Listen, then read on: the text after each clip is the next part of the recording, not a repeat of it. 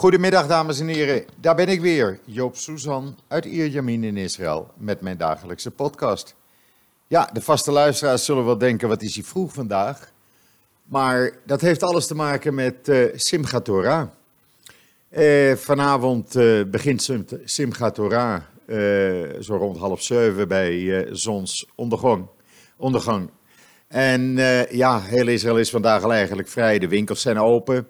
Maar die gaan uh, over een uurtje ook dicht, zo rond tussen twee en drie uur. En die blijven dicht tot uh, dinsdagmorgen. Want morgen, ja, uh, het is weer een vrije dag in Israël. Heel Israël is morgen weer dicht. Vanavond de Simchat Torah. Dat betekent dat er in synagoges en op straat gedanst wordt met de Torah. In Nederland is het ook wel bekend als vreugde der wet. Uh, Simchat Torah betekent eigenlijk uh, vreugde met de Torah.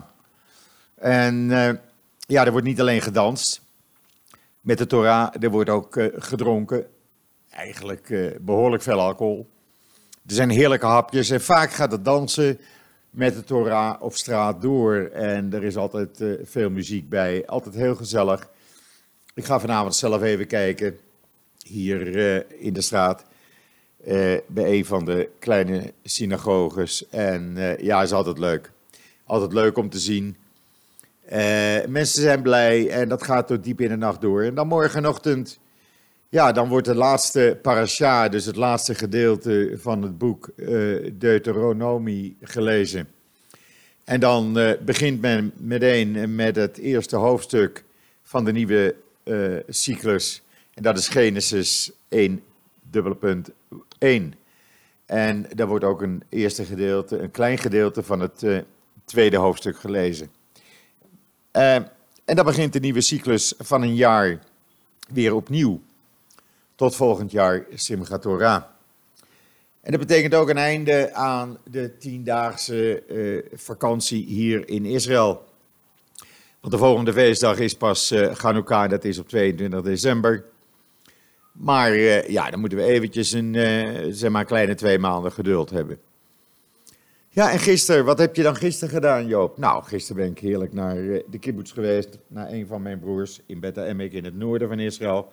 Niet ver van de grens met Libanon. Altijd een hele mooie rit door het mooie land. En ja, al heb ik het honderden, honderden, misschien wel duizenden keren gereden, het blijft altijd weer ja, toch een, een, nieuw, een leuke gewaarwording als je door die Arabische uh, steden rijdt. Yassif bijvoorbeeld, eh, vlak bij de kibbutz. En dan kom je toch in een hele andere wereld. Uh, reclameborden in het Arabisch, eigenlijk geen trottoirs. Het verkeer, er zijn geen regels. Iedereen doet maar wat hij denkt te moeten doen. Heel andere wereld en altijd weer leuk om, om daar te zijn en er eventjes uh, doorheen te rijden. Uh, ik rijd er dan doorheen, maar duizenden Israëli's die gisteren de moeite namen om, uh, zoals bijna elke Shabbat, daar te gaan winkelen en te gaan eten in die Arabische plaatsen. want het is niet alleen goedkoop, het is ook nog eens heerlijk. Dus ja, lekker in de kibbutz geweest. De hond die kon zijn gang weer gaan, die heb al zijn vrienden weer bezocht. Die zag ik soms een half uur, drie kwartier niet en dan kwam hij er weer aan te kijken of ik er nog was. En uh, ja, dan, uh, dan rij je in de namiddag, uh, ben ik weer teruggegaan, een ritje van anderhalf uur. En ja, heerlijk ontspannen. En dat is ook wel eens, wel eens leuk, even met mijn broer en zijn gezin en kleinkinderen en zijn kinderen. Ja, was, was gezellig. En dan, ja, dan ging het nieuws gewoon weer door hier in Israël. Want uh, ja, het is dan wel uh, uh, ja, voor iedereen een vrije dag. Maar gisteravond is er gedemonstreerd voor Nama Issachar, zowel in New York als in Tel Aviv. u weet, als u joods.nl volgt, daar staat het uitgebreid op. We volgen deze zaak van die jonge vrouw uit Israël, die, die door meneer Poetin gegijzeld wordt gehouden, omdat hij een Russische hacker terug wil hebben uit Israël. En Israël gaat hem, of gaat die hacker, uh, uitleveren aan Amerika als dat doorgaat. En men probeert dus nu met demonstraties en andere drukmiddelen om Poetin op andere gedachten te brengen. Uh, ook president Rivlin en Netanyahu hebben hem persoonlijk gevraagd haar vrij te laten. Vooralsnog geen reactie van meneer Poetin. En dan uh, de Palestijnse premier. Hij wil weer wat hoor. Ja, hij heeft het weer bedacht. Hij wil dat Israëlische artsen in Palestijnse ziekenhuizen komen werken. Uh, er worden gemiddeld zo'n 50.000 Palestijnen per jaar in Israëlische ziekenhuizen behandeld. Daar is hij mee gestopt, want ze vinden dat uh, de rekening te hoog is. Mensen moeten maar in Palestijnse ziekenhuizen behandeld worden. Nou ja, dan ga je liever dood. Uh, dus nou kwam hij met het idee, omdat er veel geprotesteerd wordt, laat die Israëlische artsen maar naar de Palestijnse gebieden komen en in Palestijnse ziekenhuizen gaan werken. Of dat gaat gebeuren, ik betwijfel het. Eh, ondertussen hebben ze ook, eh, de Palestijnen, een verbod aangekondigd op import van Israëlische dieren, van Israëlische koeien, geiten, schapen. Want ze willen een boycott van Israëlische producten. Nou, dat gaat nu ook Israël een beetje te ver. En die hebben gezegd: goed, jullie willen een boycott, dan krijg je een boycott. En wij zullen stoppen met de import van Palestijnse landbouwproducten. Eh, ja, ik denk dat uh, meneer Abbas en consorten dan wel heel snel bakzeil gaan halen. Omdat de meeste export van de Palestijnse producten toch naar Israël plaatsvindt. En dan. Uh, ja, er is een uh, enorme, enorme zonnecel-energiecentrale. Is bijna klaar in de Negev, in de Arava-woestijn. En dat betekent een enorme stap van uh, overgang fossiele brandstoffen naar milieuvriendelijke energie. En dat zijn 360 zonnepanelen. Die kunnen ook draaien, dus met de zon. Ze blijven altijd op de zon gericht. En die geven een output van 121 megawatt. Dat is gelijk goed voor zo'n uh, 60.000 uh, huizen in Israël om die van elektriciteit te voorzien. Uh, het kost uh, ongeveer 150 miljoen. Valt nog mee. Het is over 309 hectare. Ik ga er binnenkort eens een kijkje nemen, want het is toch wel imposant om dat te gaan zien, lijkt mij zo. En er zullen meer van dit soort solar weilanden, noem het maar, opgezet worden in de woestijn in Israël. Want ja, de zon schijnt hier 360 dagen per jaar. Dus waarom zou je dat dan niet gaan gebruiken? Ik heb het altijd vreemd gevonden dat men daar geen gebruik van maakte. Maar gelukkig het, uh, het gebeurt nu. En als ze dan hier wat doen, ze lopen dus al vaak met dingen achter in Israël. Maar als er dan wat gebeurt, als het dan eenmaal gebeurt, dan gebeurt het ook gelijk goed en groot. Eh, dat valt me elke keer weer op. U kunt het allemaal lezen op joods.nl natuurlijk. En ook op joods.nl een leuke video, mooie video eigenlijk. Over de wijngaarden op de grens met Syrië en Libanon. Ja, precies op de grens hebben ze die wijngaarden. Uh, daar komt ook hele heerlijke wijn vandaan. Echt, uh, bent u in Israël, ga het eens een keer proberen. Of ga er naartoe en proef het en koop het. Uh, de video legt het allemaal uit.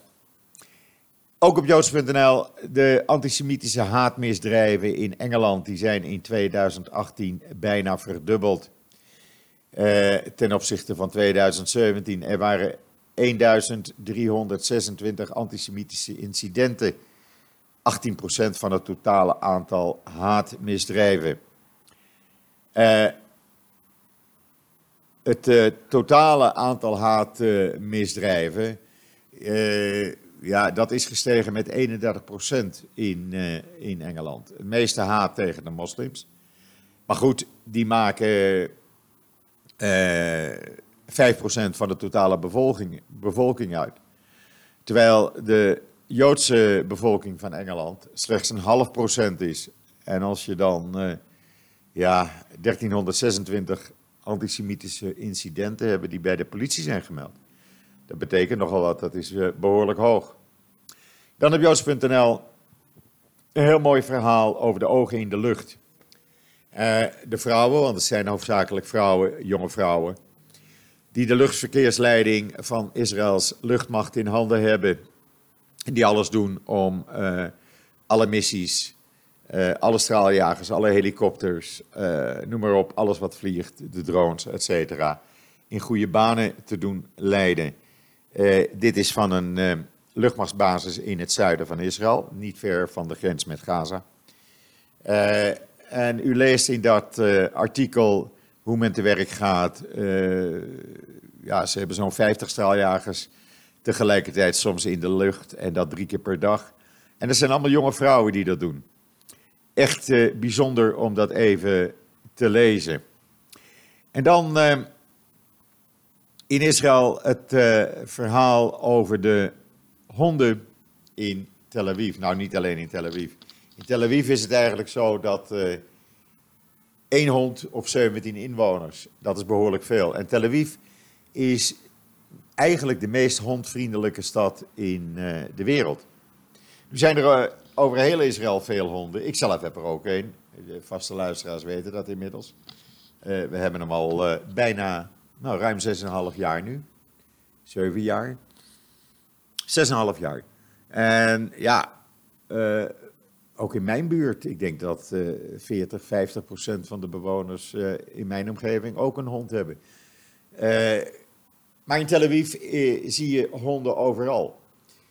daar staat bijna bij elk restaurant of café of winkel staat wel een bakje water buiten om de honden te laten drinken.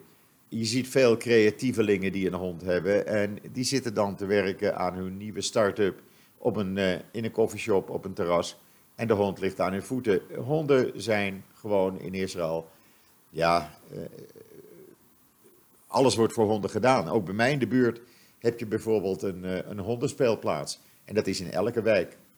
Maar in Tel Aviv is dat nog een maatje groter, een maatje meer eigenlijk. Daar is zelfs een hondenfestival één keer per jaar waar honden massages kunnen krijgen, waar ze sushi, speciale honden sushi kunnen eten. Nou ja, u kunt het zien allemaal op de video op uh, joods.nl. Ik dacht wel leuk, even interessant om u te laten weten hoe het zit met honden. En ik zei het net al, ik neem mijn hond bijna overal mee naartoe. Zo ook gisteren in de kibbutz. Nou, dat vindt hij dan geweldig.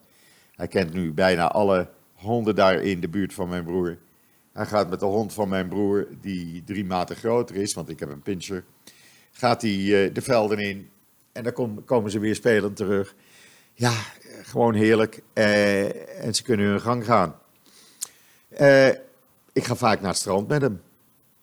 niet als het te heet is, maar zoals nu, later vanmiddag, ja, dan koelt het af. Het is nu zo'n 30 graden. Uh, en later in de middag zo rond de 25, 26 graden. Nou, als het even mee zit, dan gaan we nog even een half uurtje of een uurtje over het strand banjeren.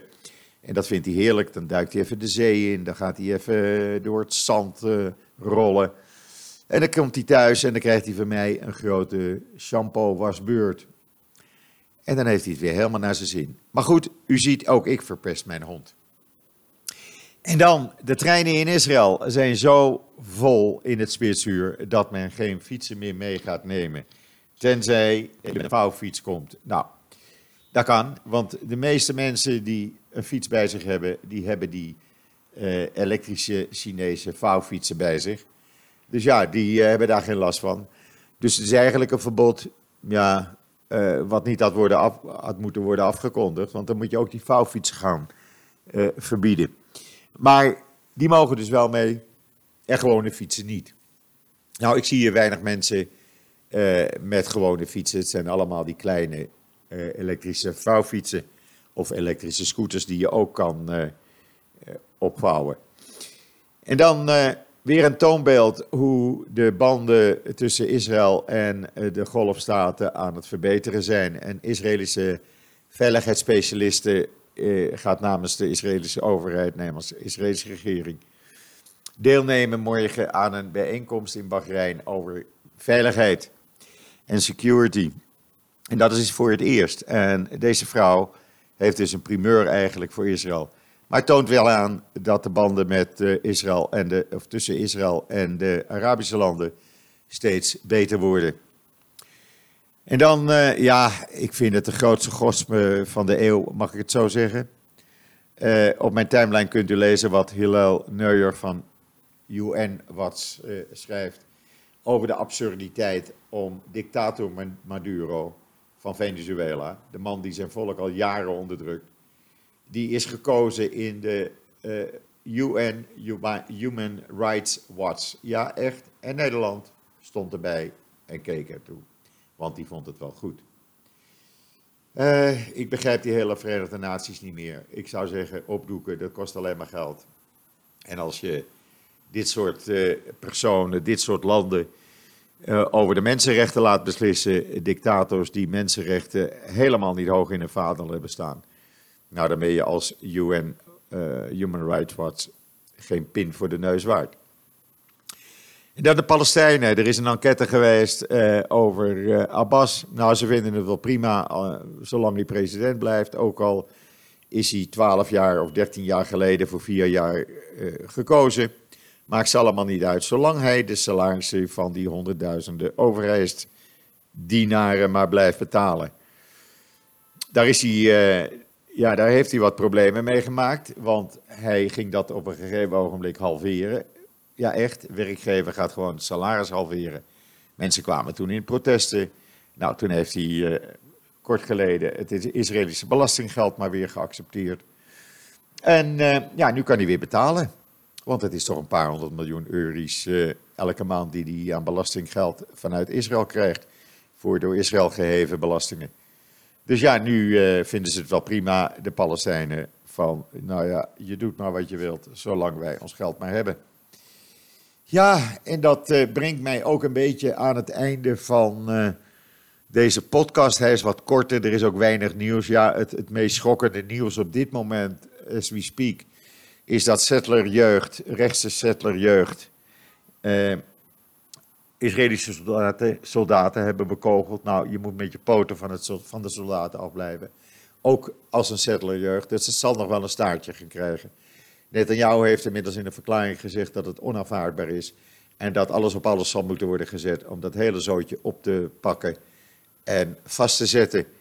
Het probleem is alleen dat deze gasten worden gesteund door een aantal van Netanyahu's rechtse politieke vrienden. En eens kijken hoe ver Netanyahu durft en wil en kan gaan zonder zijn politieke vrienden te verliezen. Ja, en dan zal het grote nieuws allemaal na morgen komen, want uh, donderdag moet Netanyahu zijn mandaat teruggegeven hebben. We zullen kijken of hij nog wat uit zijn toverhoed, uh, zijn grote toverhoed tevoorschijn tovert. Ik denk het niet. Maar je weet het maar nooit, dit is Israël en hier gebeuren allerlei dingen die je soms niet voor mogelijk houdt. Dus, wat mij betreft, ik wens u nog een hele fijne voortzetting van deze zondag, de 20 oktober. Israël gaat vanavond uh, dansen, gaat feest vieren en is morgen vrij. Dus ik ben ook morgen vrij. Of er moet iets heel bijzonders gebeuren. Dan meld ik mij vanzelfsprekend. Maar voor de rest zou ik zeggen, tot ziens, tot dinsdag.